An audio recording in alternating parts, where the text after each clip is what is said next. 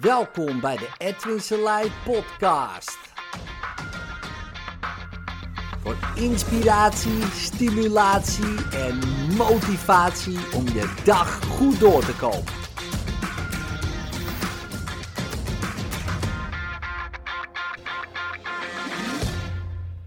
Eerst zien, dan geloven.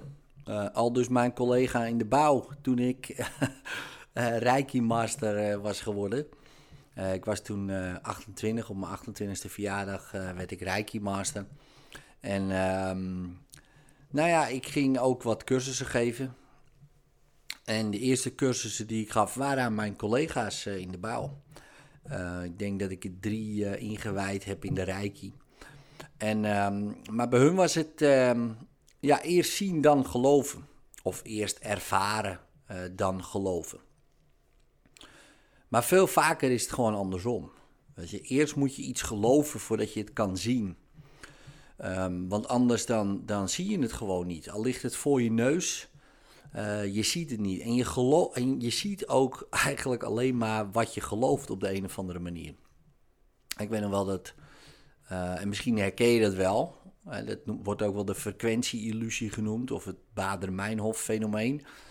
Is dat je, ja, denkt aan een blauwe auto of je, je bent ermee bezig, weet je, met een blauwe Volkswagen en opeens zie je overal blauwe Volkswagens, weet je. Je wilde misschien eentje kopen. Ik weet dat mijn collega toen ook in de bouw zei van ja, ik heb echt een aparte kleur Ed, van een busje, weet je wel, die wil ik echt een heel apart. Ik heb er nog niemand mee zien rijden. Op het moment dat hij die kleur uh, eigenlijk had uitgesproken of daarmee bezig was, zag je opeens overal, iedereen reed in zo'n busje met die kleur.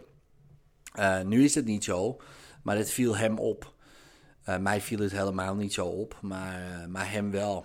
En hij dacht, shit man, het is helemaal niet zo origineel. Zelf had ik dat toen mijn vrouw zwanger was van een tweeling. Tweelingen zijn best, nou ja, speciaal. Hè? Tegenwoordig met IVF komt het vaker voor, maar voorheen was dat minder. dus het was best speciaal en toch zag ik ze overal. Echt overal tweelingen. En op een gegeven moment dacht ik ook dat iedere vrouw zwanger was, weet je wel. Uh, wat ook niet per se een hele handige is uh, om uh, te denken bij iedereen. Kwam ik achter in de supermarkt toen ik achter een mevrouw stond. En heel enthousiast zei: Oh, hoe lang moet u nog?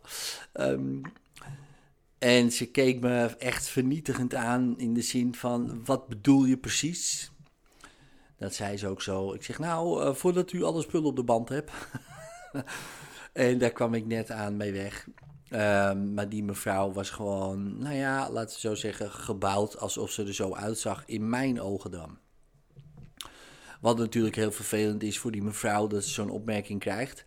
Um, en ja, maar goed, in mijn enthousiasme, het wonder van de natuur, de zwangere vrouw, om die een ode te geven was ik te enthousiast. Um, en werd dat niet per se gewaardeerd door die mevrouw. Wat ik me heel goed kan voorstellen. Dus ja, je kan het wel geloven uh, en ook wel zien, maar dat wil nog niet zeggen dat het per se waar is. Maar het is wel het beste begin. Ja, eerst geloven uh, dat je het kan. Um, en dan het bijvoorbeeld gaan leren. Stel je voor, ik geloof niet dat ik kan rekenen. Uh, dan wordt het heel lastig uh, om dat te leren. Stel je voor, ik geloof wel dat ik het kan. Nou, wordt het dan makkelijker. Als mij wordt verteld, je kan het niet, en ik geloof dat, ja, dan wordt het weer moeilijker. Weet je? En zo ga je ook een beetje door je schooltijd heen. Maar op een gegeven moment moet je voor jezelf bedenken, oké, wat wil ik nou over mezelf gaan geloven? En wat wil ik nu gaan maar ja, geloven over mensen, geloven over de wereld, geloven over mijn werk bijvoorbeeld. Uh, en dan ga je dat zien. Want je kan alleen maar zien wie jij bent. En wat jij gelooft. Meer zie je gewoon niet. Dat wordt gewoon heel vakkundig gedelete. Dat zeggen ze ook wel in de spiritualiteit. Hoor je dat wel? Ja, als iemand geïrriteerd is, dan is dat jouw irritatie. Um, en dat klopt ook wel, want um, je hebt mensen die. Uh, bijvoorbeeld, ik sprak een keer iemand uh, die.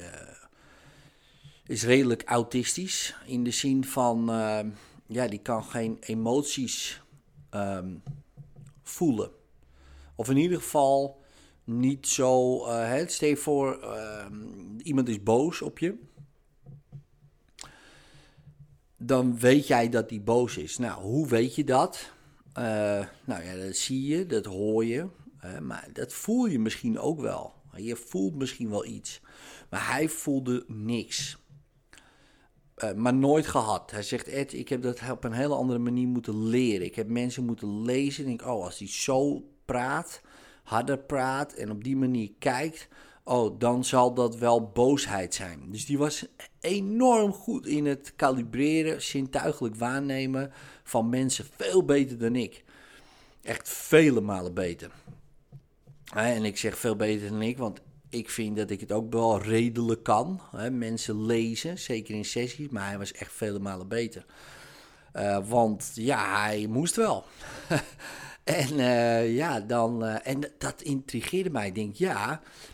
Hij wist dus helemaal niet of iemand boos was of uh, verdrietig was. Of, en hij voelde daar ook helemaal niks bij. En ik denk ja, omdat hij dat niet zo ervaart, zo dat voelt, ziet hij het ook niet. Nou is dat misschien een beetje een gek vergelijk. Hè? Dus hij moet leren hoe het is omdat iemand boos is. Uh, hij wordt zelf ook nooit boos. Uh, want hij blijft vrij emotieloos. Dus hij herkent het ook niet aan andere mensen. En als je dan weer even terugdenkt wat ik net zei: van ja, je ziet alleen wat, wat wie je zelf bent. Uh, ja, hij ziet alleen maar emotieloze mensen. maar hij weet dat het niet zo is. Ja, maar hij, hij ziet ze alleen maar. Of hij, want hij voelt zelf ook geen emotie. Nou voelt hij natuurlijk wel eens wel wat emoties, hè, zo is het niet. Maar niet zoals wij. Hè. Wij doen dat anders. En dat vond ik interessant. Um, want ja, hoe kan je iets herkennen als je er niet zelf uh, ja, in je hebt? Anders herken je dat gewoon niet. Dus wanneer je daarover nadenkt, ja, wat wil je niet meer zien in je wereld? dus als je dan om je heen kijkt, ja, wat wil ik niet meer in mijn wereld, om mij heen? En dan te bedenken, goh, wat maakt nou dat ik dit geloof dat het in mijn wereld is? Wat is dat in mij? Ja, want anders kan ik het gewoon niet zien. Nogmaals, toen mijn vrouw zwanger was, ik, ik, zag alleen maar kinderwagens. Overal mensen hadden kinderen, dit, dat. Ik dacht, jeetje, ik zat echt in die jonge ouders flow. Je ziet ook alleen maar jonge ouders, kinderen, wagens. En nu zie ik ze niet meer. Natuurlijk wel af en toe uh, zie ik er nog wel eentje, maar het valt mij niet meer op. Nou vinden wij dat allemaal best een logisch iets als je erover nadenkt. Maar als je daarop doordenkt, is het wel super interessant dat er zoveel realiteiten dus naast elkaar staan en eigenlijk alleen maar aan ons worden voorgeschoteld op het moment dat wij gaan geloven zijn, hè, dat is misschien nog beter, zo zijn. Hè. Dus wij zijn jonge ouders, we zien jonge ouders, we zijn uh, ouders met pubers en opeens zien we die meer. Dan zeg je, ja, het logisch, je gaat naar zo'n school, je leeft. Ja, precies. Je gaat ook naar een school, je ziet ze ook meer. Dat is allemaal waar. Maar eh, wanneer je daarop doordenkt, kom je wel op dat interessante principe uit. Eerst geloven, dan zien. Of eerst zijn en dan zien. Ja, en als je ouder wordt, ja, dan word je een ouder en dan ga je vanzelf die dingen wel zien, zou je kunnen zeggen.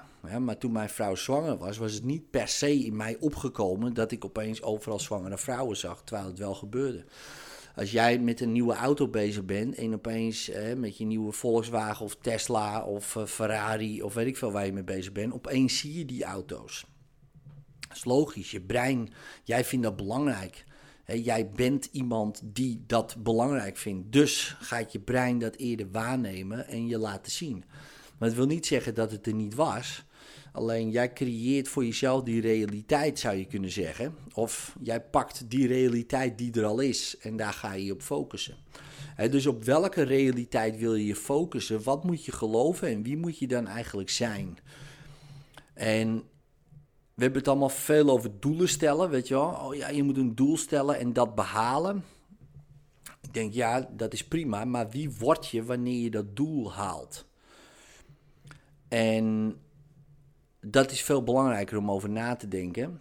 Want vanaf dat punt, hè, als je iemand bent die dat doel gaat halen, zeg maar, dan wordt het veel makkelijker om dat doel te halen.